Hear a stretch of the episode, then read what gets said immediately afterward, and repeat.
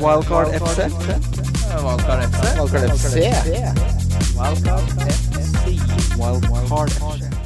Hei, hei, og hjertelig velkommen til Wildcard FC EM-spesial med Kim Kimmegutt Midtli. Hei, hei. Mitt navn er Christian Wessel. Eh, Det har jo skjedd eh, Vi har rett og slett en, eh, en konkurranse i pipelinen som har blitt titulert etter deg, Kim. Ja, det er helt grusomt. Dette er jo åpenbart mot min vilje. Uh, Det er Kimmegutt Cup, uh, som vi kommer tilbake til. Uh, Lars Sivertsen, har du, har du Lars-cupen gående? Yo! Um, nei, ingen Lars Cup som jeg er bekjent med. Det hadde jo, Hva skulle det vært? Det måtte vært noe veldig spesielt. Ja, det måtte vært noe veldig spesielt. Gleder du deg til EM, eller, Lars? Jeg, jeg har EM-feber. Feberen er skyhøy.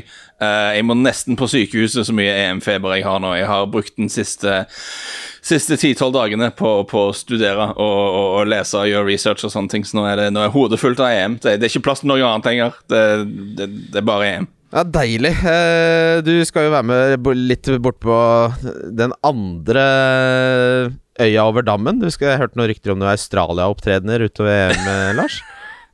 Ja, det, det, jeg vet ikke, det, det, det skal bli travelt. Jeg, har, jeg hører rykter om at det skal bli noe australsk frokost-TV. Det er kanskje noe av det mer obskure jeg har vært med på. Eh, ellers så blir det litt sånn Football Weekly og min, min egen podkast og litt sånn utover. Det skal, skal bli mye EM-content. Det blir ikke noe mangel på det. Ja, Det er helt nydelig. Hva med deg, Kim? Gleder du deg til EM?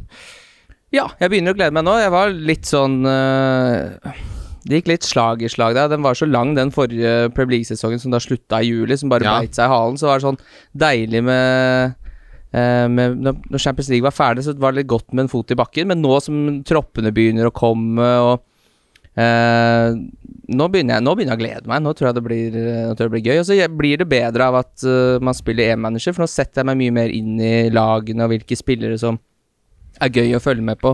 Selv om de kanskje ikke engang er interessante i fantasy, så er det eh, Det er jo alltid noen som får en liten eh, et lite gjennombrudd i et mesterskap, så det, jeg begynner å glede meg veldig, ja, nå. Det er uh, godt å høre. Bare for ordens skyld, uh, eh, vi spiller, og vi kommer ikke til å forholde oss til den Uefa-varianten.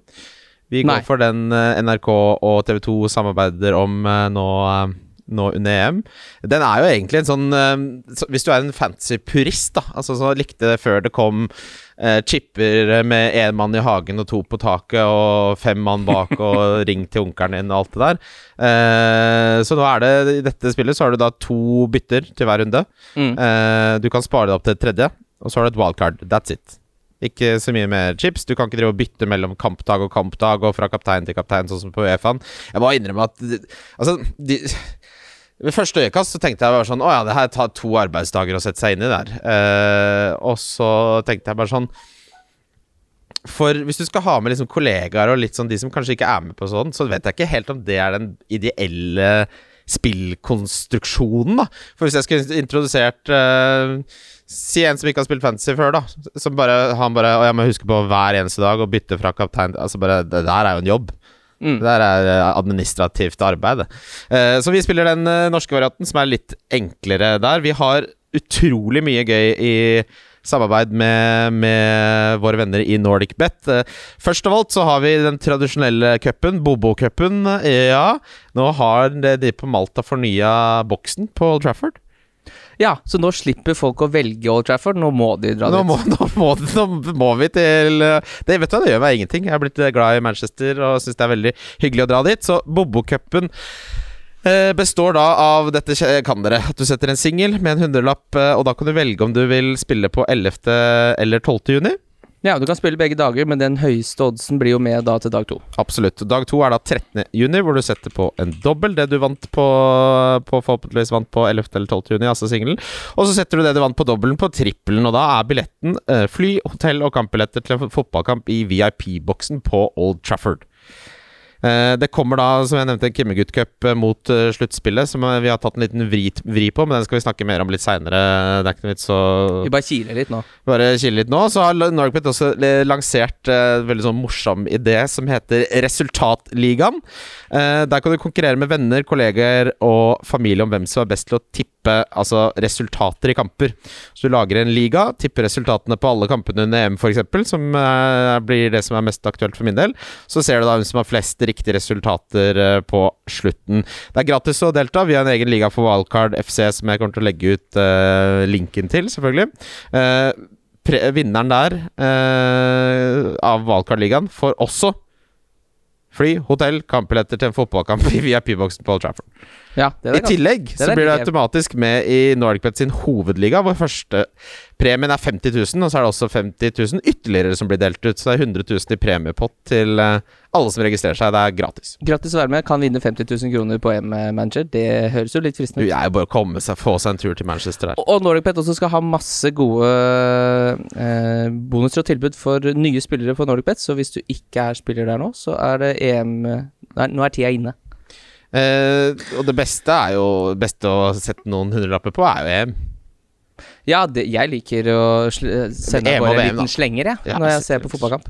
Jeg har valgt ut en trippel i forbindelse med eh, det, og da gjorde den seg selv, den trippelen her. Jeg har hatt Italia over Tyrkia, Danmark over Finland og Belgia over Russland. Det er melk og brød-trippel.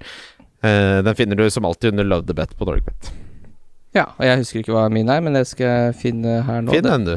Ja, Den er jo da fra første helga, som er nå førstkommende. Det er Belgia over Russland, det er Østerrike over Nord-Makedonia, og det er Nederland over Ukraina. Den er vel boosta til fem og en halv, tror jeg. Nydelig. Nydelig. Eh, vi tar noen eh, generelle lyttespørsmål før vi skal da ta for oss gruppe A til C. eh, som er eh, kanskje ikke de på ved første øyekast mest attraktive gruppene, men eh, Jeg er litt uenig. Jeg syns det virker som de gøyeste gruppene å hente spillere fra. Ja.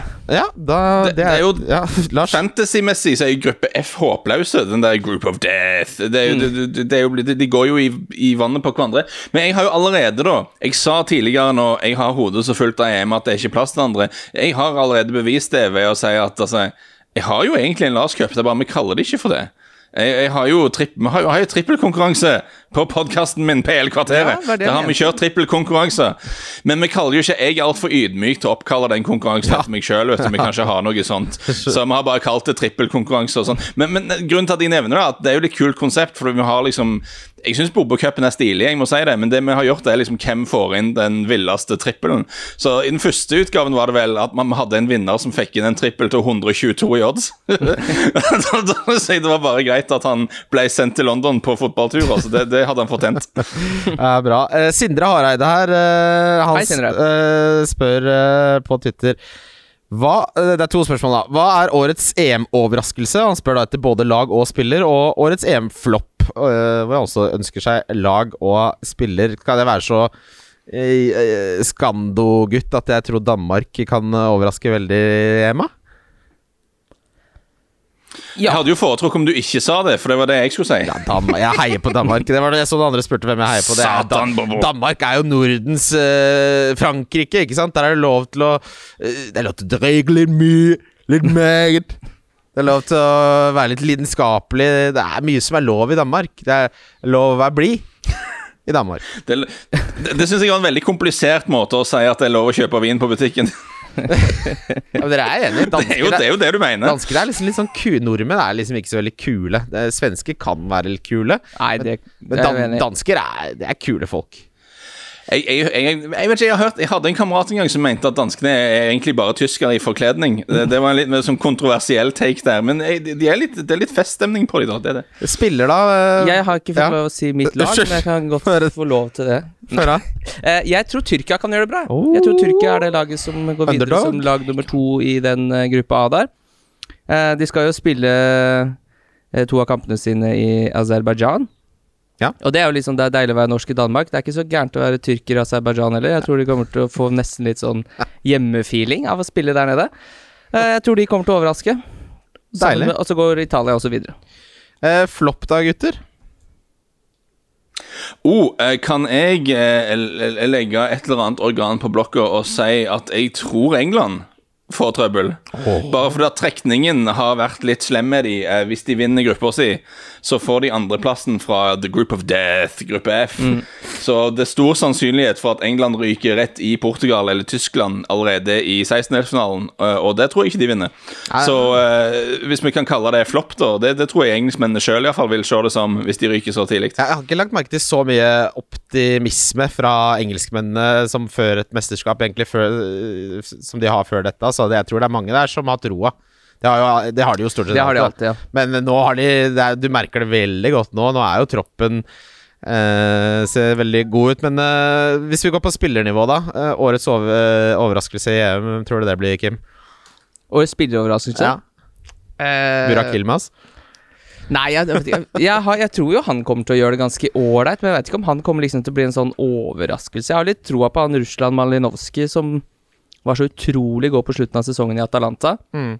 Eh, og Ukraina har jo fått en forholdsvis ålreit gruppe, Mm. så at de kan gå videre som nummer to der, men han eh, eh, han, er ikke, han er jo en kjent spiller siden han har skåret så bra med mål for Atalanta, men jeg tror ikke så den jevne fotballsupporter har ikke stålkontroll på han. Nei. Hvem, tror du, hvem har du der, Lars? Jeg, jeg sitter akkurat og forbanner Kim mot skogen, for det første jeg skulle si, var, var Ilmas. For Ilmas er 4-5 i det spillet vi skal spille. Eh, Det, det må jo være trykkfeil, eller noe sånt. Ja, det, det- det, det, forstår jeg ikke i det hele tatt. Men han er altså 4-5, og, og, og han, ingen, ingen som helst argument for å ikke ha han i troppen din. Eh, og så skulle jeg gå liksom på Så skulle jeg gå over på Satan Malinowski fordi eh, Fordi den gruppa eh, Ukraina har, syns jeg er ganske overkommelig, da. Så, så selv om det er en del spillere på Ukraina som du ikke kjenner så godt, så tror jeg de skal ha muligheter til, til å gjøre det ok.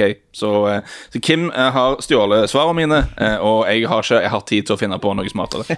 En vi tror eh, flopper, da. Vi kan gjerne ha litt sånn donketilnærming til her. Fordi før vi gikk på lufta, så Jeg sier ikke at du tror han er en donk, med eierandelen på Memphis Depay er nå oppe i 56 Han har jo han har vært helt sjukt god for eh, Nederland, da, så det er liksom med god grunn. Men er det noen som utpeker seg, som er valgt av mange, som du tenker eh, Nei, nå er folk på ville veier? Um, 32% har Lewandowski. Eh, og han har en tendens til å slite litt med, med Polen. Nå har de ikke den vanskeligste gruppa i verden. Jeg vet at det er litt på neste episode, da, men Nei, jeg, jeg, kan godt, jeg, jeg kan godt se for meg at Polen ikke utretter noe som helst. De har skifta trener til Paulo Sosa nokså nylig. De er et sånn landslag der de har et par veldig gode spillere, men om de har et bra lag, er, er litt mer diffust. Og, og Lewandowski, verdens beste nummer ni og sånn, ja, men han får ikke den servicen han får i Bayern for Polen. Så jeg lurer på om han egentlig er verdt eh, det han koster i, i, i dette spillet. For meg så er det litt sånn Jeg skal ikke snakke så mye lagkonstruksjon, da, men å gå og kjøre 3-5-2 med Yilmaz som en av de tre spissene og Kane og Lukaku er i hvert fall min foreløpige strategi, og da, da blir det ikke plass til Lewandowski. Skulle du ikke spille 3-5-2? Jo. Ja, så, det, så du skal ikke spille med Ylmas, da? Han skal være den tredje du ikke bruker? Ja. Ja. Han på benken, altså det er jo litt sånn Ja, han koster lite sånn, men du må jo fortsatt ha Fortsatt, må fortsatt få poeng. Det er akkurat det jeg har satt opp med laget mitt her nå, i timene før vi tar opp denne podden, eh, Bobo. Så det er jo, her, her tenker de store hjernene likt. Ja, det Eh, Lukaku, Lukaku og Kane på topp, eh, Irma som første reserve. er veldig, veldig bra. Jeg tenker vi kan begynne å gå gjennom gruppene, boys. Da begynner vi på gruppe A, A, og vi skal snakke om et av de landene som eh, jeg forbinder med mm, god mat, romantikk, eh, bratte brosteinstrapper. Vi skal til Italia. Eh, det som er utfordringen med Italia, synes jeg, er at det er litt vanskelig å vite hvem som er nailed på visse plasser. Som gjør at eh, det at vi får lagoppstillingene mest sannsynlig i god tid før deadline, er en kjempefordel. Mm. Eh, hvem som spiller av Chiesa og um, Berardi eh, på kanten der, er den, en av, Den av de to som spiller, skal jeg ha. Så må jeg bare vite hvem av de det er. Mm. Eh, noen tanker dere har gjort dere om Italia opp mot EM nå, boys? Begynner med deg, Lars. Um, jeg har gjort meg de tankene at de er et litt tricky lag fantasy-messig. Fordi jeg, jeg, Som, som tilskuer gleder jeg meg til å se dette laget, fordi at under Roberto Manzini så har de spilt eh, ganske offensiv fotball. Eh, de er liksom ikke traurige Italia. Eh, de spiller 4-3-3 eh, med sånn eh, Verratti, Georginio og Barella på midtbanen. Så det er liksom fotballspillere eh, som, Det er ikke sånne, sånne omflakkende psykopater som bare skal spenne folk i leggen hele veien. Altså det, det er et kult lag å se på dette her. Men jeg lurer litt på fantasy-messig, for at det de mangler Altså, Jeg er ikke solgt på uh, Chiro Immobile som landslagsspiss. Kjempegod for Lazio, ofte litt mer iffy for Italia. Og jeg er ikke 100% sikker på om de er så stødige defensivt som det Italia er vant til å gjøre, for at de prøver å spille mer offensivt samtidig som de har to hundgamle stoppere i Bonucci og Chiellini. Og jeg syns alltid kombinasjonen offensive sidebacker, gamle stoppere, blir jeg alltid litt stressa av, for at de blir ofte De er nødt til å løpe. De er nødt til å løpe litt mer bak der. Eh, og så, så hvem er poengsankerne her? Um, sannsynligvis Insigne, da. Altså, han virker mest nailed av de vingene. Han skåret 19 mål for Napoli denne sesongen. Kanskje han til 8 mil kan være noe. Eller så er både Federico Chiesa og Domenico Berardi interessante på den andre flanken, men du vet liksom ikke hvem av de som starter, så det er litt tricky. Ja, jeg har også landa der. Du vet jo liksom at uh, Bonucci spiller og sånn, men det er jo ikke der du får nødvendigvis mange poeng. Nå skal det jo sies også at uh, bookmakerne tror at uh, samlet sett i gruppespillet så er Italia det laget som er mest sannsynlighet til å holde nullen totalt sett i alle kampene. Ja, Kim? Ja, for det, er det, synes- det syns jeg er litt sånn tricky med den gruppa her. er At den er eh, Altså, dette er jo fire lag som egentlig holder nullen veldig mye. Mm. eh, som har lagt opp eh, Altså, Wales vil gjerne kontre, Sveits vil gjerne eh, Og altså, Italia spiller jo mer finere fotball nå. De er jo det laget som eh, i den gruppa her som vil spille fotball aller mest. Eh, men de også holder jo nullen fryktelig mye, så jeg syns det er vanskelig å liksom plukke så jeg har titta litt på bekkene til eh, Italia, det kanskje kan være noe. Han, Ja, Spinazzola er inne nå, ja, Ja. han også har jeg inne nå. men han er ikke nailed. Nei, ikke sant. Det er litt det der som er litt skummelt òg. Ja.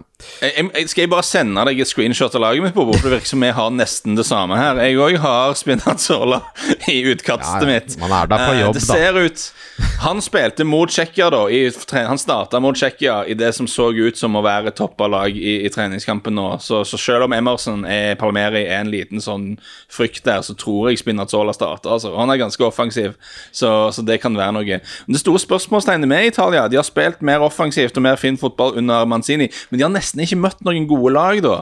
Det er stort sett bare sånn VAS de har spilt mot. Eh, så, så spørsmålet er vil, vil dette fortsatt funke mot tøffere motstand, eller vil Italia bli litt mer sånn Å, nå er det turnering, gutter, nå må vi roe det ned litt. Så, så det er liksom sånn, Jeg vet ikke helt hva jeg skal forvente av dette laget, så kanskje ikke det beste laget å plukke fantasy-spillere fra, selv om jeg tror det kan bli et artig lag å se på i turneringen. Ja, det er ikke sånn set and forget, så her må du følge litt med på hvordan den elveren uh, setter seg. Nevne også Spinazzola at eh, ti målinvolveringer i uh, klubbverdenen, og snitter en målgivende hver fjerde kamp for Italia, så han, eh, hvis han starter der, så er det til 5-5 en åpenbar spiller å følge med på. Eh, vi skal til Tyrkia, gutter. De har da eh, sluppet inn færrest mål av alle i hele EM-kvaliken.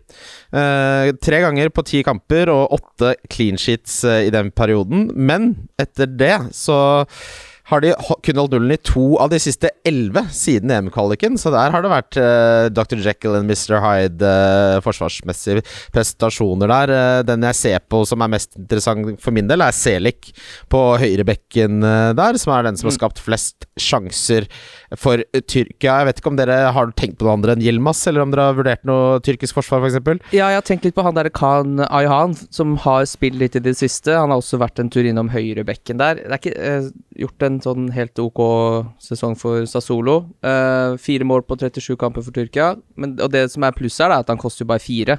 Mm. Men så er det jo litt sånn vanskelig å si hvem som skal spille midtstopper i Tyrkia her. De har jo Kabak, for eksempel, og de har jo da Suyunshu, som er helt bankers. Ja. Uh, men, så, men, men han kan jo ende opp med å få spille litt, og uh, det er ikke så mange gode alternativer til fire. På et lag. Jeg, blir veldig overraska om det ikke er Soyuncho Demiral som starter, men vi kan se jeg, til fire Jeg, vil, jeg tror Selik er mer nailed enn Ayan, for å være helt ærlig. Jeg tror Ja, det det, tror er Selik på høyrebekken. Eh, og jeg tror Celik til fire blank er en fin vei inn i et ganske tight uh, Tyrkia-forsvar, så jeg liker den. Uh, Chalanoglu til 5-5 trenger ikke være feil, men jeg vet ikke om det er noe sånn offensivt sånn fyrverkeri. Og jeg tenker hvis du har Ilmas, så er, er nok det Du skal, trenger ikke dobbel Tyrkia Jeg skal, ikke, banen, jeg skal ikke tre dypt ned i Tyrkia, selv om jeg elsker Nei, det- eh, byen Antalya og Alanya og gudene vet. eh, Det er fint der nede, Kim. Jeg var ikke klar over at Selig kosta fire, jeg trodde han kosta fire-fem, så nå bytter jeg helt. Altså Det er åpenbart Celik du skal ha på Ja, for det, eh, bak der. du, Eh, jeg, vil ha, 100%. jeg vil ha en firemillioners forsvarsspiller, det vil Ja. man alltid. Og det for meg så Jeg lander på at Celik er den beste. Ja, enig. Ja. Deilig. Også eh, en spiller som sikkert Eller et landslag hvor sikkert veldig mange har en spiller fordi han koster lite på spillet, men som eh, eh, dessverre ikke er et veldig offensivt fyrverkeri, for å si det mildt. Wales eh, har da skåret få mål. De har skåret ti mål på åtte kvalikkamper inn mot uh, EM. Bale er jo talismannen. da. Han er uh, all time uh, toppskårer. Han er på straffer, han er på frispark. Han er topp for alle stats som vi vanligvis uh, bryr oss om. Men så, så er spørsmålet Blir, blir det skåra nok mål av Wales til at dette er relevant? Jeg tror ikke det, når de tidvis har spilt med Harry Wilson som eh, spiss i en 4-3-3 der. Da tror jeg ikke du har noe kjempehåp om å skåre mye mål. Harry Wilson at- som en falsk nier der, for Ja. Wales. Ja, Harry Wilson har jo, spiller jo out of position enkelte ganger, han, men han har jeg titta litt på, han koster 5-5. eh, og han har jo en frisparkfot, så alt, alle frispark fra 16 meter og til 25 er jo nesten straffespark. Ledig i krysset. Ja, han skårte jo Han vel tre frisparkmål i Premier League sist han var der òg, da han var på lån i Bournemouth. Men så er det jo som du sier, da, han har jo Bale der òg, som har veldig lyst til å ta de frisparkene, så jeg, jeg tror ikke jeg har lyst på noe fra Wales, jeg. Nei, det er bedre Altså, vi kommer vi, skal finne bedre alternativer til dere til den prisen, altså, fra lag som scorer mer, og som eh, er Bale er et stort navn, men uh, det er forskjell på å spille for Spurs mot uh, Burnley. Uh, det er for Wales å spille mot Tyrkia og Italia, liksom. Det er to forskjellige verdener. Har du noe å tilføye der, Lars? Bare at jeg faktisk i utkastet mitt har Bale inne, så jeg går litt i Det har jeg også, òg! Det har jeg òg. Man sier han er i laget nå, men jeg har ikke tenkt å ha han. Det ble Fordi, ja, det kan godt være han ryker etter hvert, men til seks blank, det er en grei pris, da. Ok. Um, jeg skjønner hvorfor 30% av spillet er på Bale. Uh, det, det snakker, han er ikke den spilleren han var, men han er fortsatt en fyr som har 33 mål på 90, 90 landskamper, 92 landskamper. Og greit, forrige landslagsmål var mot Kroatia i 2019, ok, Uh, men på de fem siste han har starta for Wales, står han med fire målgiverne. Uh, jeg tror dødballer blir veldig viktig i denne turneringen, og der tror jeg Bale skal ta mye. Det vi har sett av Bale i Tottenham denne sesongen, er at han er absolutt ikke den spilleren han var, men han kan fortsatt sparke ball, altså. Når det gjelder det å bare sparke ballen når han ligger der på en dødball, det er han ganske flink på. Ja, det- Eh, T-slaget er fortsatt nice, Eh, så jeg tror at til den prisen jeg blir ikke helt sjokkert om Bale eh, sniker til seg et mål eller to, eller en eh, dødballassist eller to. Og det, det, det kan faktisk være verdt noe, men, det, men han er i fare for å ryke da, når jeg finpusser laget. Han er det, men jeg har han på utkastet. Okay. Hvordan eh, ligger det an med Aaron Ramsey? Kommer han til å være klar? Det har jo litt å si for eh, hvordan det kommer til å fungere, det Wales-laget her. Er det noen som veit om Eh, han jeg tror han skal spille, jeg, jeg, det må jeg dobbeltsjekke. Uh, men, uh, altså, Wales de har en del sånn David Brooks fra Bournemouth, og, og jeg vet at United-supportere syns ikke Daniel James er bra nok for United, og det har de sikkert rett, men som en sånn fyr som springer ganske raskt uh, Det er en ok spiller i dette laget. Jeg syns ikke de skal avskrive det helt, altså. Nei, det er, det er mer at jeg tenker liksom på at motstanden er ganske tøff, altså generelt uh, her. Selv om Tyrkia er dårlig defensiv form i det, i det siste, så tror jeg liksom både Italia og Tyrkia kommer til å være vanskelig å bryne seg på. Kim, hva tenkte du? Nei, det er bare at eh, det, jeg har jo sett eh, hørt litt podkaster og sett litt på bl.a. Uh, Fotball-TV sin uh, gjennomgang av grupper og sånn. Ja. Uh, og det er veldig mange som tror at Wales liksom skal bli den åpenbare nummer fire i den gruppa her. Eh, det tror jeg kanskje Jeg tror de kan overraske sånn sett, da. Ikke at de nødvendigvis går videre, men at de kommer til å bite mye bedre fra seg enn hva folk tror. Er det én ting Wales kler, så er det jo å være underdoggen, da. Det, det passer det landet fryktelig godt. Når det gjelder Sveits, eh, så er eh, en eh, gammel Liverpool-favoritt the main man der. Shardan Shakiri har smått utrolige 23 mål og 24 målgivende for Sveits. Eh, Ricardo Rodriguez er derimot den eh, jeg syns ser mest interessant ut her. Han spiller da selvfølgelig uh, wingback eh, og har mest sannsynlig straffer og det meste av dødballer også som sitt ansvarsområde. Han har da dessverre ikke vært særlig involvert eh, offensivt for, eh, i klubbfotballen den siste tiden. eh, Og så har jeg også sett litt på Elvedi, men eh, her har jeg ikke klart å finne så veldig mye spennende altså fra Sveits, må jeg ærlig innrømme. Eh, jeg har òg Rodriguez inne i mitt utkast. Jeg Men jeg er redd for at han Jeg tror ikke han spiller wingback. Jeg tror han havner i backtrieren uh, etter at de la om til 3-5-2. Ja. Uh, men du har fortsatt en forsvarsspiller på et lag som er ganske tight bakover, som er i en gruppe der vi ikke tror det blir skåret masse mål, og som er på dødballer og kanskje straffe òg. Ja. Det, det syns jeg, jeg er til å vurdere, altså. Jeg syns også det er til å vurdere. Og så er det Hvis han er på straffer, så er det litt sånn Ja takk. Ja, men, Jeg syns det er fem blank. Sorry. nei, nei, det er bare det, det eneste jeg husker fra forrige gang eh, jeg spilte det spillet her, er at eh, Og du har jo riktignok et wildcard, men at man ofte kan liksom rote seg borti litt for mange spillere som eh, Som ikke kommer seg videre. Ja. Så hvis man begynner liksom å lefle litt med Rodriges, eh, Selik og, og den type spillere, da, så kan man fort Og Wilson eller Bale, for den saks skyld. Eh, så Men jeg, jeg også syns jo, det i utgangspunktet det er kjempespennende med en spiller som koster fem på et lag som, som Lars sier, da, som vi antar kommer til å I en gruppe hvor det kommer til å bli kanskje skåret lite mål, uh, som, som er fus på alt. Ja. Ja, ja. Foreløpig 3 eid òg. Ja, ja, det er også veldig lavt. Det syns jeg er et poeng her. For når jeg ser på de vi snakker om, og de vi liker, så er det sånn 30% har Bale, uh, 50% har Memphis Depay, ja, 50% har Lukaku. Altså Det er en del gjenganger her, så jeg tror disse, disse diffe-diffene må, må vi være litt smarte med. Og det syns jeg til 3% så Ja. syns jeg det er en, Men- en variant å tenke det, tenke jeg tror dette her mesterskapet er jo Altså Vi spiller jo mot folk som vanligvis ikke spiller, så hvis man klarer å unngå de store fellene i form av store navn, som kanskje er mer navn enn eh, fantasypoeng, så har man jo en kjempefordel her. Eh, Og så har man jo selvfølgelig Sitter man i det, da? Hvis eh, Bale skulle ha et rått gruppespill og halve Norge har fått inn Bale, selvfølgelig. det, det kan jo også skje, det. Og så sitter du der og bare du, Skal ikke være ekspert i fantasy? Ja? Mm. Idiot. Kan ingenting. 30% Kan jo ingenting. Hun er helt idiot i trynet, jo. Slutt, legg ned den podkasten din, da, din idiottryne. Vi skal til gruppe B. Eh, nydelig gruppe. B for Belgia. Verden vet jo masse selvfølgelig om Romelu Lukaku og Kevin De Bruyne. Kevin De Bruyne er ikke klar til eh, første kampen eh, etter at han eh, fikk seg en stygg smell og brakk øyebeinet. Som høres utrolig ubehagelig ut.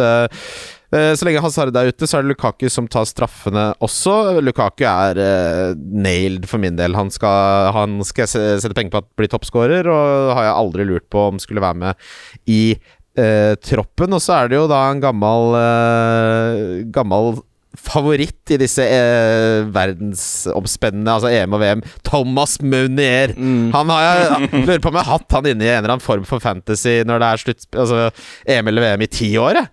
Han må jo være 35, jeg vet han ikke er det, men jeg har hatt med han på så mye rart. Han har da eh, på 46 landskamper 21 målinvolveringer for Belgia.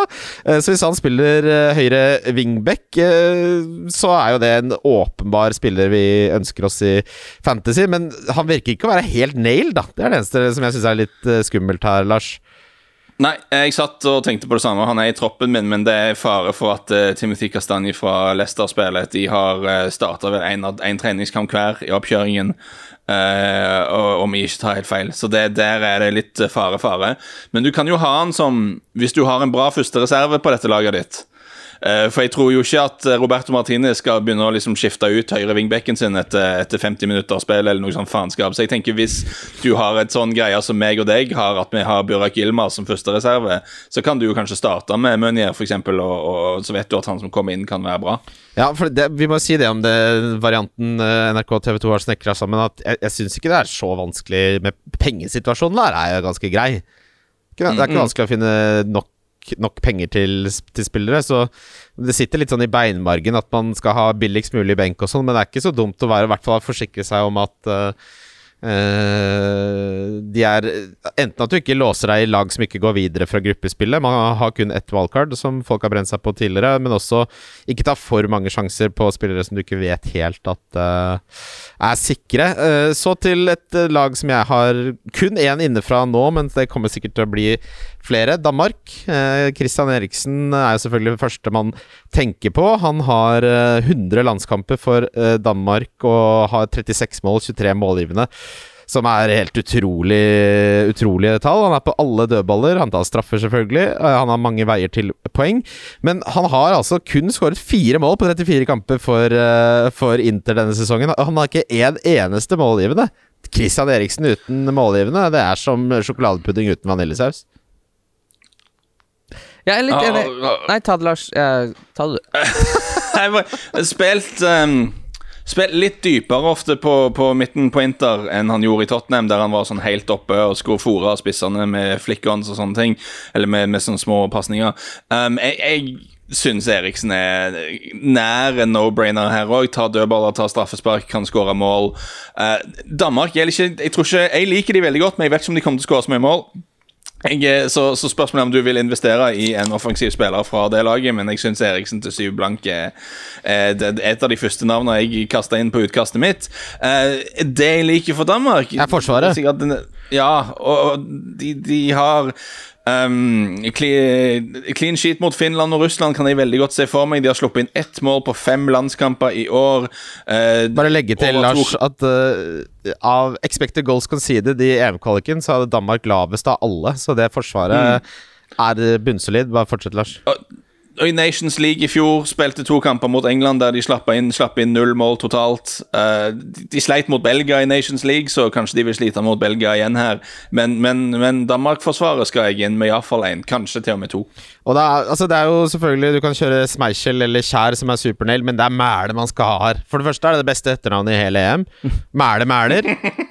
Eh, han har eh, i tillegg tre offensive involveringer på de siste syv kampene for Danmark, og seks målgivende i, i klubbfotballen denne sesongen. Mæle skal Det er, det er deilig. Det er, det, er, det er Danmark.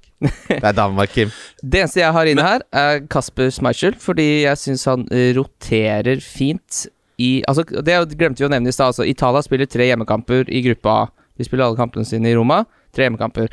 Danmark spiller alle hjemmekampene sine i Danmark. København, vel. Eh, og så har Russland to hjemmekamper i denne gruppa her også. Eh, så da, hvis du har Kasper Schmeichel som jeg har, som koster eh, Er det 5-5, ja? Og så er det Sjunin, på- som er førstekeeper på Russland. Han koster fire. Eh, så hvis du bruker han da i den kampen hvor Danmark møter Belgia, så får du jo han da i hjemmekamp mot Finland. Ja. Det syns jeg er en fin keeperrotasjon i den gruppa her, da. Enig, Smart tenkt. enig der. Ja, Lars. Nei, smart tenkt. Bare, dette er litt dårlig podcast, men Christian, kan du bare se Jeg sendte deg screenshot av laget mitt nå, bare for å bekrefte at, du, at vi ikke har helt det samme. For jeg òg er på mæle, liksom. Ja, eh, Kan du gjøre det med Hvis du ser i discorden, da, for jeg, jeg begynner å få inntrykk av at vi har akkurat det samme laget. Jeg syns det var en veldig smart rotasjonsidé, Kim. Og eh, jeg, jeg, jeg jeg, heller Mæle enn en av stopperne. For hvis du ser på, på Simon Kjær og, eh, og Christensen, som sannsynligvis starter på stoppeplass. De to har fire landslagsmål til sammen på 148 landskamper. Eh, Så de er jo liksom ikke voldsomme offensive trusler, noen av de. Så jeg, jeg vil ha en av wingbackene, og da Mæle helst. Ja, Mæle skal, skal inn der. Russland eh, har mye mer spennende landslag enn sist jeg var borte i Russland. Vi har en gammel favoritt, Juba, er det sånn man sier det? Juba? Uansett, han er deres main man. Han er på straffer, og de underliggende statsene hans i kvaliken var rett og slett helt utrolige. Han hadde flest store sjanser og skudd uh, innenfor boksen av alle. Uh, han er veldig enkelt den beste russiske angriperen å velge hvis du, hvis du vil ha en eh, en russisk angrepsspiller. Du kan nevne Golovin også, men eh, det er, det er, det er, det er ikke, du vil ikke ha det. Det blir ikke bra nok. Uh, Cherisev var veldig god i eh, VM sist. Han har ikke spilt særlig for Valencia. Og nå har jo Russ, Russland nettopp bytta fra 4-2-3-1 til en uh, trebekslinje 3-4-3, som kanskje er den dølleste formasjonen i fotballverden. Uh, uh, så, men jeg tror nok Russland slipper imot både Belgia og Danmark, så jeg vil liksom ikke rote meg borti det russiske forsvaret, og det er det samme Hitler burde tenkt i 1944. Yikes! Eh, Eh, Har jeg, du noe tror, jeg tror du har rett. det.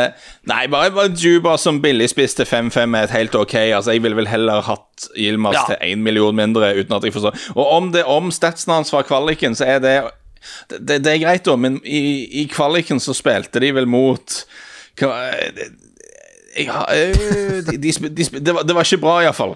Jeg, jeg har de notatene mine her. Jeg har for mange notater til dette Hekkans-turneringen. Ja. De hadde gruppa med Belgia, ok, tøft, men så Skottland, Kypros, Kasakhstan og San Marino.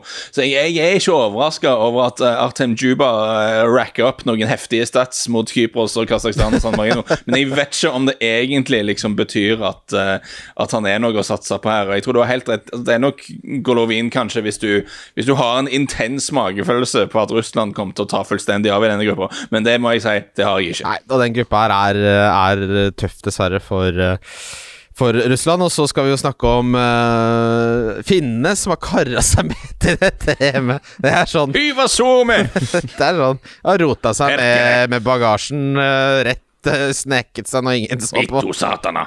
Nei da. Men det er, det er to spillere å snakke om her. Det er Timu Pukki som uh, har skåra 63% av Finlands mål i Colic Station. Så hvis vi snakker om uh, å abonnere på talisman-teorien, altså at du skal ha spilleren som er involvert i det meste for sitt lag, så er jo han absolutt det beste eksempelet på det. Men han er jo skadeutsatt, og Finland kommer ikke til å skåre mange mål i dette EM-et. Finland er ikke et lag som skårer mange mål. Det andre er jo Radekki, som er Finlands keeper, som koster da fire millioner, selvfølgelig. Han har hatt en god sesong i Bundesliga, koster nesten ingenting, og kommer til å få mange save points. Så benkekeeperen fra Finland, han det er eh, Ja, den uttalelsen Hvordan sier man på finsk, da? Radecki. Sånt? Radeski. Ja, for han er jo født i eh, Slovakia, eller Slovenia, en av de to, eh, men flytta til Finland i veldig veldig ung alder fordi jeg tror faren spilte volleyball for et lag i Finland. Det er noen spesielle greier der. Han er, han er keeper og ølentusiast og, eh, og klasseklovn i garderoben, visstnok. Eh, Istedenfor å bruke halvparten av podkasten på å snakke om Finland, kan jeg bare si kjøp VM-utgaven av Josimar. Eh, der har jeg skrevet noe sånn 160 000 ord om Finland. Eh, så, så, det, så alt jeg har å si om Finland, så det, står Josimar. Skal ikke jeg bruke resten av denne podkasten på det. Men en herlig historie at de er der. Men altså, det kommer ikke til å gå bra.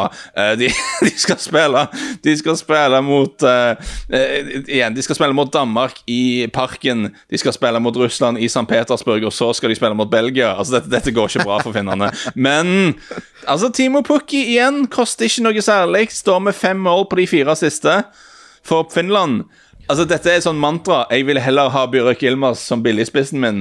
Men hvis Burek Yilmaz blir skada mellom når turneringen starter, eller et eller annet sånt rart Hvis du vil ha en annen billigspiss enn helten fra Tyrkia, så syns jeg Timo Pukki er det beste valget. Kim? Bare lynkjapt skyte inn at eh, keeperen ikke får save points i NRK TV2-varianten. Var Ah. det jeg trodde, det var det jeg trodde. det var det jeg trodde. Så da er jo han enda mindre verdi, da. Ja. Men du skal, Så- jo ha, du du skal må- jo ha en keeper til fire uansett, hvis ikke du skal rotere, da. Ja, ja nei, øh, og jeg skal jo rotere med Ja. en fire, men øh, Ja. bare sånn at du ikke henter en keeper som du tror kommer til å få mye skudd på seg. Nei, det burde jeg jo selvfølgelig ha visst, men det er ikke alt man får tid Nei, nei, men det er jo det er ikke, Vi er vant til Og øh, siste, siste, ord om, siste ord om Finland spilte generalprøve i treningskamp mot Estland, tapte 1-0. Eh, og var det klart dårligste laget på banen. Og det er ikke, ikke ideelt som oppvarming når du, når du blir liksom Ja, når du er det dårligste laget i en kamp mot Estland, da er ting ikke helt på G. Sitte og spille litt over 3,5 mål mot Finland kan være gøy. Men det blir kanskje Det er ikke ofte det blir 4-5-0 i EM-gruppespill.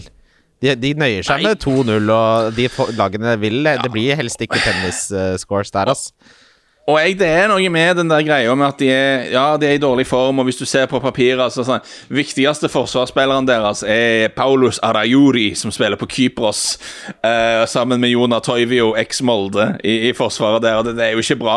Men de, de har spilt OK landskamper mot en del mye bedre lag, og jeg, jeg ser ikke bort fra at de kan krige seg til, til et eller annet der de ikke, i hvert fall ikke taper 3-4-0, så eh, det er ikke et lag jeg ville targeta, sånn sett, egentlig. Gruppe C så begynner vi med Nederland, som også har utrolig god odds for å holde nullen i alle kampene i gruppespillet. Den legger da Hæ? Ja. Det står, okay. det står at uh, The Netherlands have the best combined clean sheets odds of all teams in the tournament spread over the first three matches. Uh, Delict er jo populær. Det er nok fordi mange Manchester United-fans uh, skulle ønske at Manchester United kjøpte han for, for litt siden.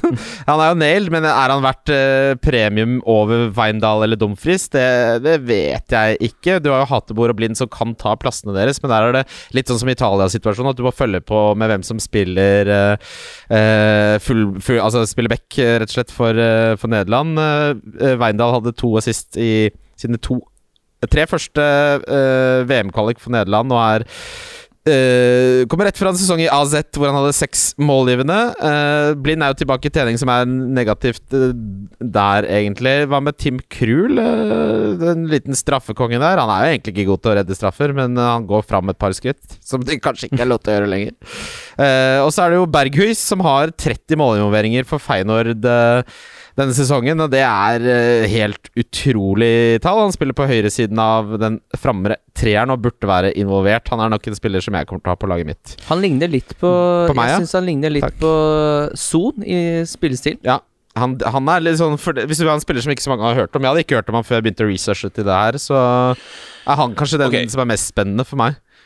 Men, men, men. Problemet her er at i de siste to treningskampene så har Frank de Boer spilt 5-3-2. Eh, til- mye sånn frustrasjon ifra det altså, Nederlenderne er ikke fornøyd med dette her fra Frank de Boer.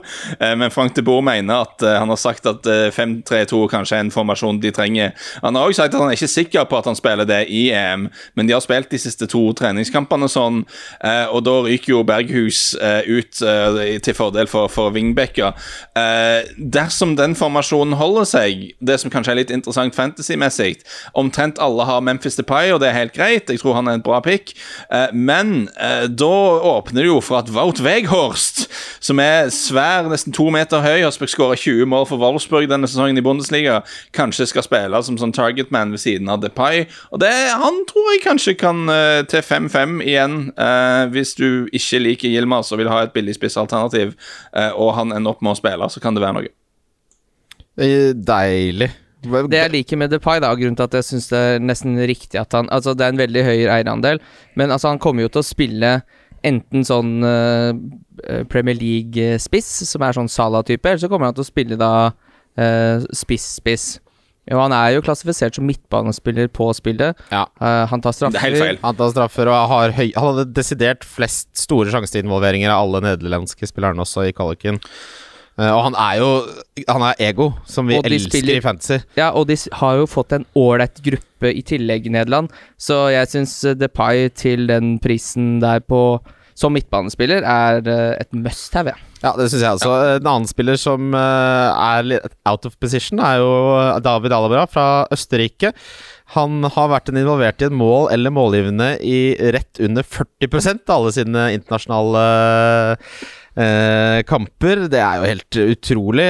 Alaba spiller nok mest sannsynlig også midtbanespiller med, med lov til å gå forover. Han tar dødballer eh, og har skapt mange store sjanser i kvaliken. Flest av alle de østerrikske spillerne, selv om han ikke har så veldig mye konkurranse der. Og så er det jo en gammel fancy favoritt i Arnautovic.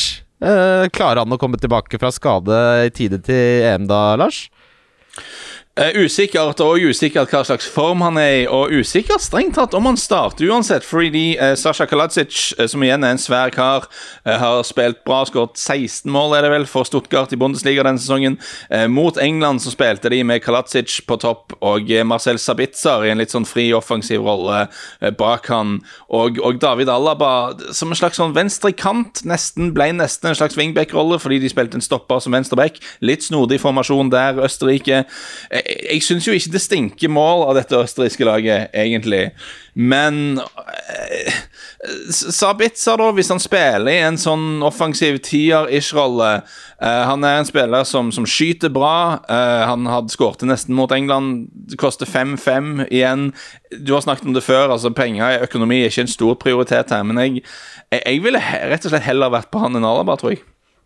Det er interessant. Uh, ja, og så er det jo nå, ser det ut som han Slager har vunnet keeperplassen i Østerrike. Nå skal det sies at de slapp nettopp inn mot Nord-Makedonia, så eh, det defensive helsa er ikke på det beste, men det er nå enda en eh, keeper som koster fire millioner, som uh, kommer til å spille.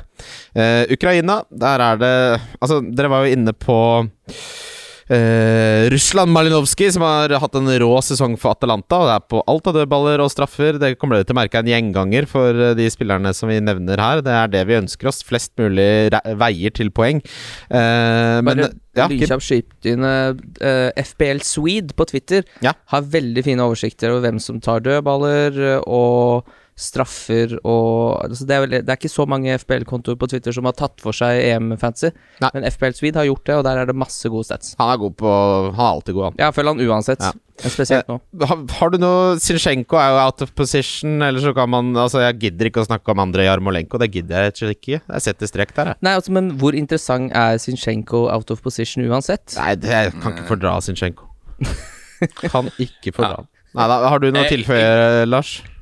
Jeg har i mine notater Malinowski, selvfølgelig. Syns han til 5-5 er kjempeaktuelt. Og så òg, da, igjen Hvis du vil ha en billig spiss, og du av en eller annen grunn hater Byrak Yilmaz, eh, og du ikke tror Wout Weghorst spiller, og eh, du ikke tror Finland kommer til å skåre mål de, de to siste er helt legitime posisjoner her. Så er jo Jaremchuk ser ut til å være nokså nailed, skårer en del mål i Belgia. Til 5-5 eh, Benkespissen din. Det, det, det, fins verre alternativer. Det, det som er litt synd med det spillet, her er at Burak Yilmaz har ødelagt en hel posisjon. Fordi alle spisser som ikke er Kane eller Lukaku, er sånn Ja, men du kan ikke ha han, for du må ha Yilmaz til 4,5.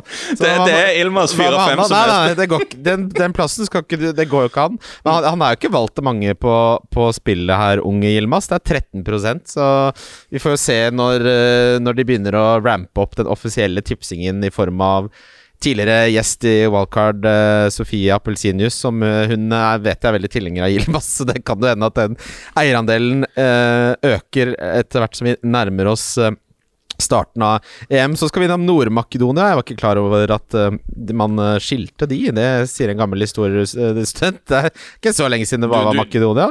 Alioski Du skiller de ikke heller, da, for faen. Det er jo det, er jo det samme landet som før. Ja. De har ikke delt de to. Nei, nei, de får bare bare det ikke lov å finnes ikke noe Sør-Makedonia? De får ikke lov å hete Men, Makedonia. Okay, det, det, er en, ok, det har vi iallfall ikke tid til å gå inn i, men det er en sånn disputt med Hellas, først og fremst. Ja. Du skal ikke hete- Legg på nord! Hva- Du legger på hva nord nå! som, er, ja, hva som er det faktiske Makedonia, eh, er de og Hellas litt uenige om, da, så de har blitt endra til Nord-Makedonia. Sørlunder. Eh, men det er, er du det samme som før. Er du Jeg kommer er jo fra? frist- Du kommer ikke fra Lunder, Igjen- du kommer fra Sørlunder. Igjen, dette har jo Igjen, Bjørk Yilmaz har ødelagt spillet. Jeg er jo frista til å ha inn Goran Pandev til 4-5 bare for the banter, men det er jo ikke plass til det. 50 år gammel. Nei, men Alioski skal, må det jo nevnes at han har vært involvert i 18 målinvolveringer på 40 kamper for eh, Nord-Makedonia. Som eh, Han er den eneste spilleren som har litt oppside der, men vi, vi, skal, vi skal ikke Vi skal dessverre ikke dit. Det- Altså, dette, dette med det Nord-Makedonia, Kim, jeg må bare nevne det. Fordi uh, Bare ta det lynkjapt, Kim. I Fresh Prince- Prince-tittelsangen så synger de In West Philadelphia Born and Raised. Det er ikke noe som heter West Philadelphia. Det er ikke noe, nei? Så det er, bare, det er bare for sangen. Det er bare for å få det til å gå opp sånn rytmemessig. Ja, for å få nok stavelser. Ja. Eh, Ristovski også, eh, Porto-bekken, er jo litt interessant her, da, som koster fire. Hvis det er noe som hvis vi, Når vi uansett er innom laget, så er han er ikke helt eh, borte, han heller. Gutter, da var vi gjennom gruppe A til C, vi, Lars. Men jeg har en del Det, ja, det gikk fortere enn jeg hadde trodd. Ja, altså. men vi har, vi har masse men- lyttespørsmål, og så har vel Kim noe ja, for jeg lurer litt på det, vi, Jeg rakk ikke spørre om det. Men hva tenker du om Jeg er ikke så inn i den uh, formasjonsendringen i Nederland der, men uh, Veinaldum har jo alltid vært en eh, Akkurat som Shakiri har vært en landslagsspiller. Skårer alltid masse mål Ja, på spiller Nederland. mye mer offensivt også for Nederland enn for Ja. Liverpool. Ja. Han koster jo, Ja. han koster jo sju uh, Ja. i en forholdsvis enkel gruppe for Nederland. Hva tenker du om uh, Wijnaldum?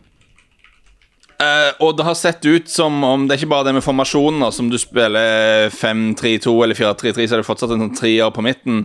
Men uh, det har sett ut som det er Martin Deron som skal være uh, tredjemann der inne. Og han er veldig defensiv, så da vil jeg jo tro at det, Fenky de Jong og Veinaldum skal, skal, skal gå mye framover på banen. Så jeg, jeg kan veldig godt se for meg eh, sånne seige løp inn i boksen fra Veinaldum, eh, så, så, så hasker han inn et innlegg eller noe sånt. Det, det, det tror jeg kan være Mm. et, eh, et, et interessant alternativ, spesielt eh, hvis jeg f.eks. skal kaste ut Bale og, og gjøre et eller annet med midtbanen min her. Så kan det, det, det er ikke dumt. Men jeg er bare veldig usikker med om det kom til å funke for Nederland. De var skikkelig dårlige mot Skottland. Altså, så De Boer er vel den dårligste landslagstreneren i hele EM, tror jeg. Han er jo så elendig.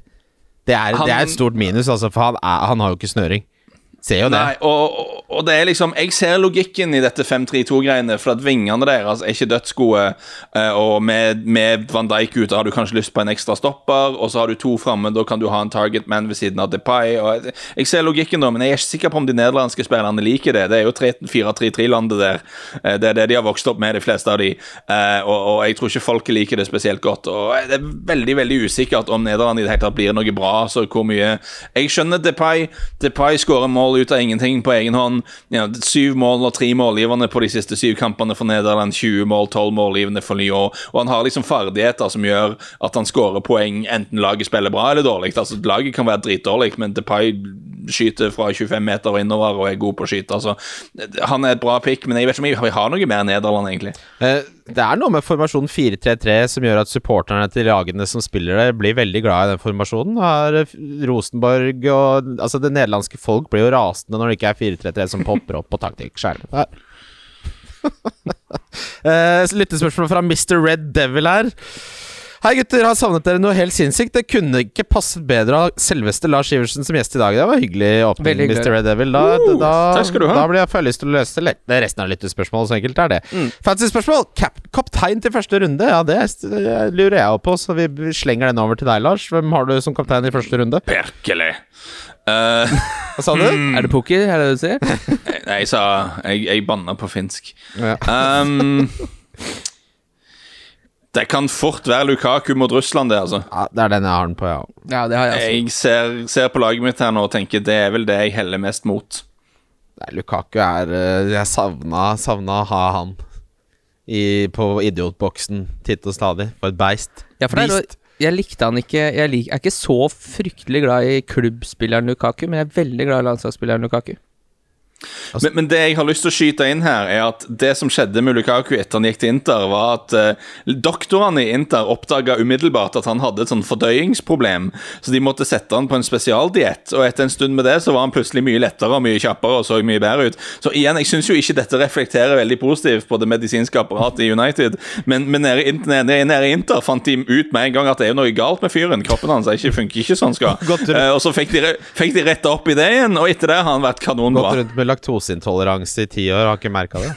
Ja, men det ser du jo veldig godt på de bildene fra Lukaku i Everton kontra Uh, Egentlig etter det mesterskapet for Ja, nå blir det, ja. Spiller ingen rolle. Eh, han han var, ble jo et godstog i Manchester United. Ja. Han var for tung, rett og slett. Han drev og løfta mye vekter, og sånn, men det, han var for mye muskler. Du trenger ikke det som fotballspiller. egentlig han ser, så, han ser så bra ut. Han har vært så bra for Inter denne sesongen. altså Jeg, jeg, forstår jeg, jeg klarer ikke å forstå noe annet enn at han skal dunke inn noen mål i denne gruppa her. altså Det er veldig morsomt. Vi har Det var en som tidligere spurte Ole Engesbakk spør Er Burak Yilmaz den mest feilprisede spilleren i en fantasy-spill noen gang? Koster 4,5. Uh, 21 målpoeng for Lille denne sesongen. Kaptein på landslaget. Hat trick mot Nederland i mars. Og så er det en tyrker som heter Ahmet 46200-214 som skriver 'Fantastic player'.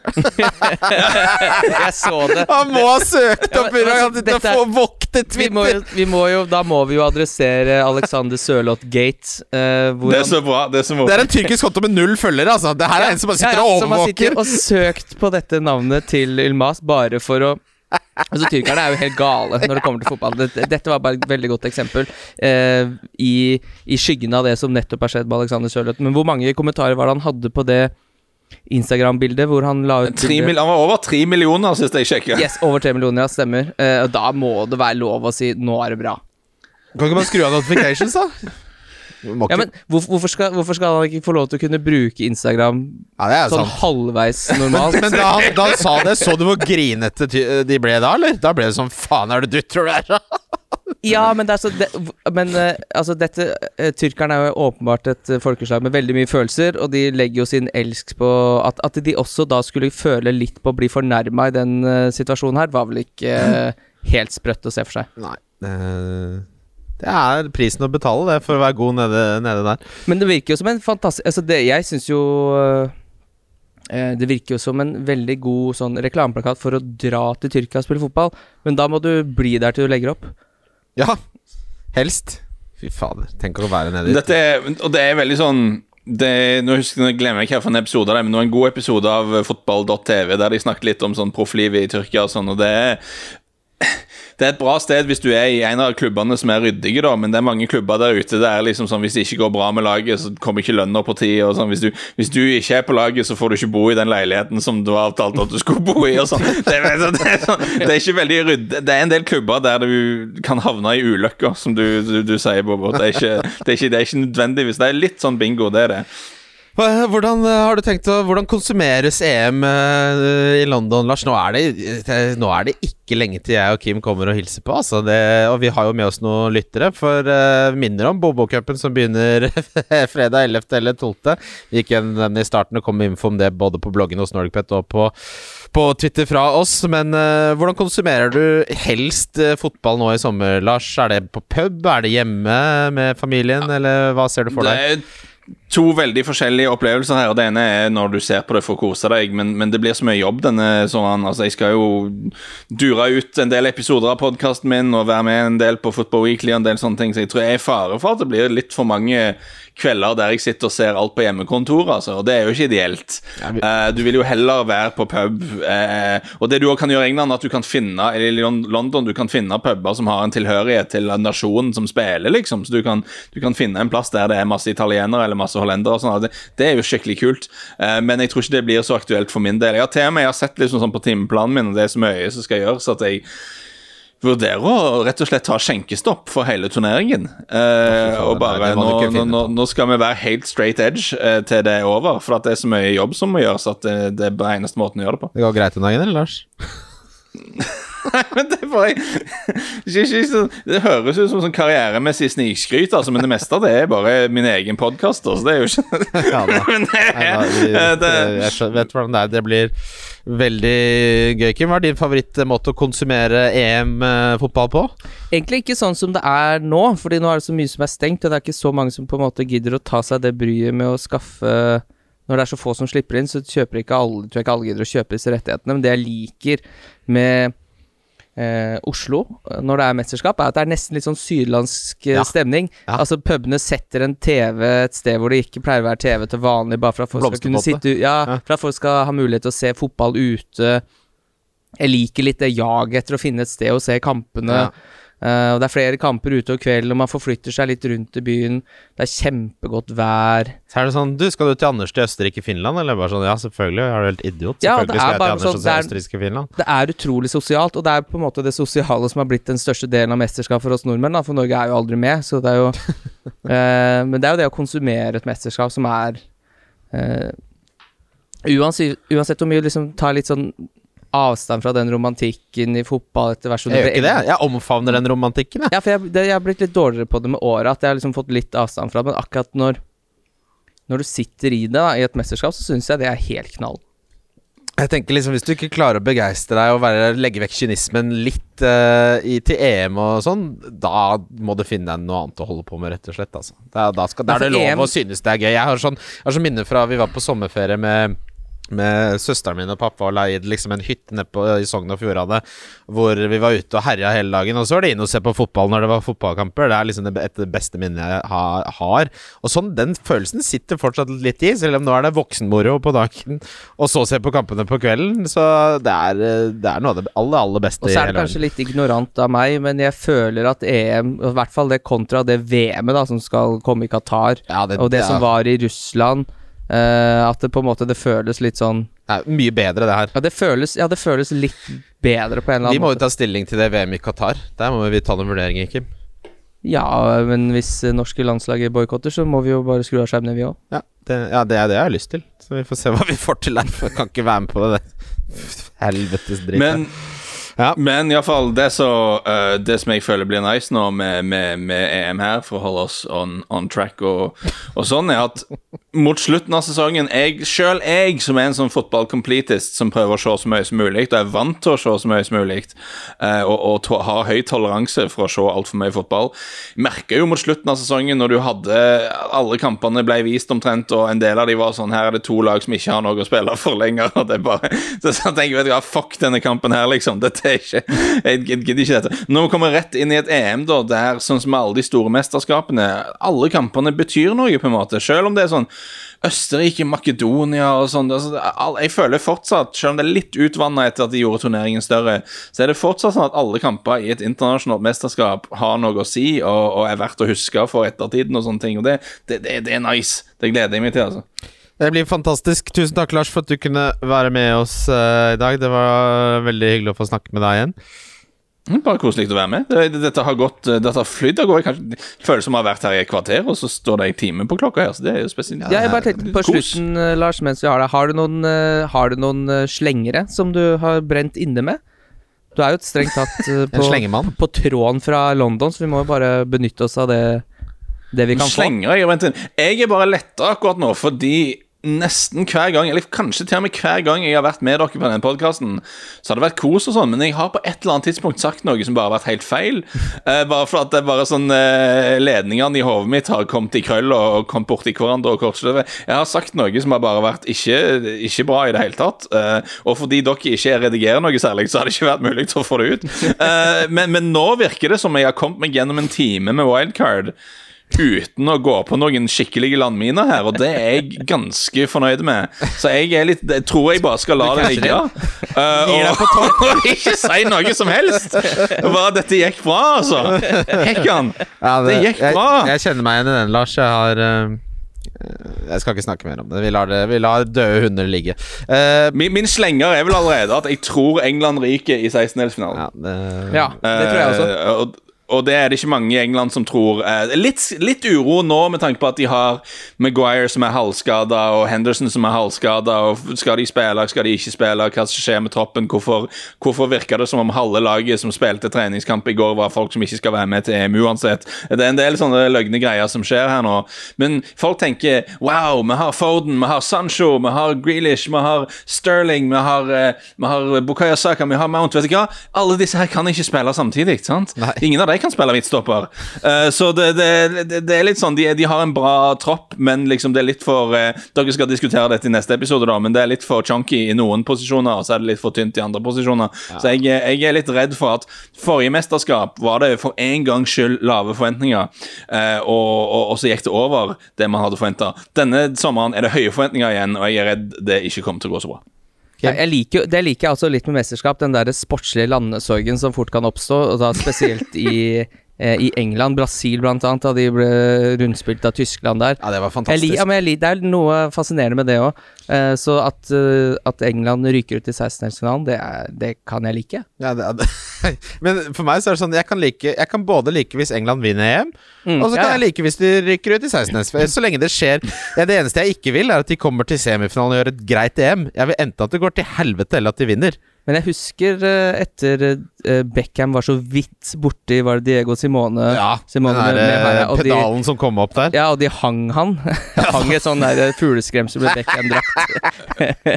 Veldig viktig å si at de ikke bokstavelig talt hang han, altså. For det hadde, da hadde resten av karrieren til, til Beckham vært et medisinsk mirakel.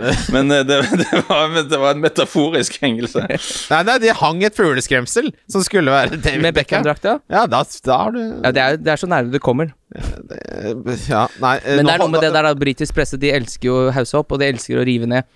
Så Ja. det er noe fascinerende med Men om altså, de går tidlig. Hvis England buer at spillerne kne, kneler, sånn som de fortsetter med, så sier jo det nok om eh, Så er det en eller annen på høyresiden der som har prestert å koke sammen en historie om at det er fordi det er marxistisk å knele. Ja, det er det de, det er det de er veldig på. de vet jo ikke hva marxisme betyr engang. Dette er de mest De- de- de- utdannede idiotene i hele Europa. det, det, det er veldig mange folk her i dette landet som tar seg veldig nær av denne antirasistiske gesten, og så har de ikke lyst til å si rett ut hvorfor det er, da. Eh, Fordi det, det, det tar seg litt dårlig ut. marxisme. Det er Hitlers tilnærming, det. det Det er marxisme. Det er pga. marxisme. Det er bare det er forferdelige folk. Det beste var at du hadde en av disse, en av disse bajasene som han var tidlig- tidligere sånn MEP, som var en fyr som var tidligere parlamentsmedlem av EU-parlamentet, som var på radio i dag tidlig og, og, og, og skrøt av de to engelske spillerne som ikke knelte, som sto oppreist som, som stolte engelskmenn bør. De to var fra Romania. Det var det andre laget, det. Eh, så, så han hadde Han var så patriotisk at han ikke klarte å se forskjell på det engelske og det rumenske landslaget. Så gratulerer til Martin Dobney. Det er Han skal ha, eh, bra jobba. han skal ha honnør for at han ikke ser farge. Og, og en, en av rumenerne nekta å, å knele da i solidaritet med eh, hans lagkamerat fra Slavia Praha, som har blitt utestengt for rasisme. det er, deilig å være, det er en sånn oksymoron å være solidarisk mot sine rasistiske venner. Du er solidarisk med rasisten. Du du kødder ikke med rasismen til kompisen min. Det er solidaritet som vi kan like. Vi lager ny episode på onsdag, og da blir det Mats Arntzen. Arille sparer vi til litt seinere. Rett og slett, Kim. Ja, la oss bare Han er jo ikke eh, Han er ikke i landet, og han har ikke opptaksmuligheter. Vi sparer han til til- Uansett, det er mye, mye promotion og mye gøy som skjer på Norgepet. Vi kommer til å legge ut alt på eh, Twitter-kontoen vår. Tusen takk, Lars. Tusen takk for at dere hører på. Vi snakkes om et par dager, og nå, nå skjer det. Kim, Nå er det like før. Nå skjer det. Vi snakkes. Wildcard FC. Wildcard FC. Wildcard FC. Wildcard FC. Wildcard FC.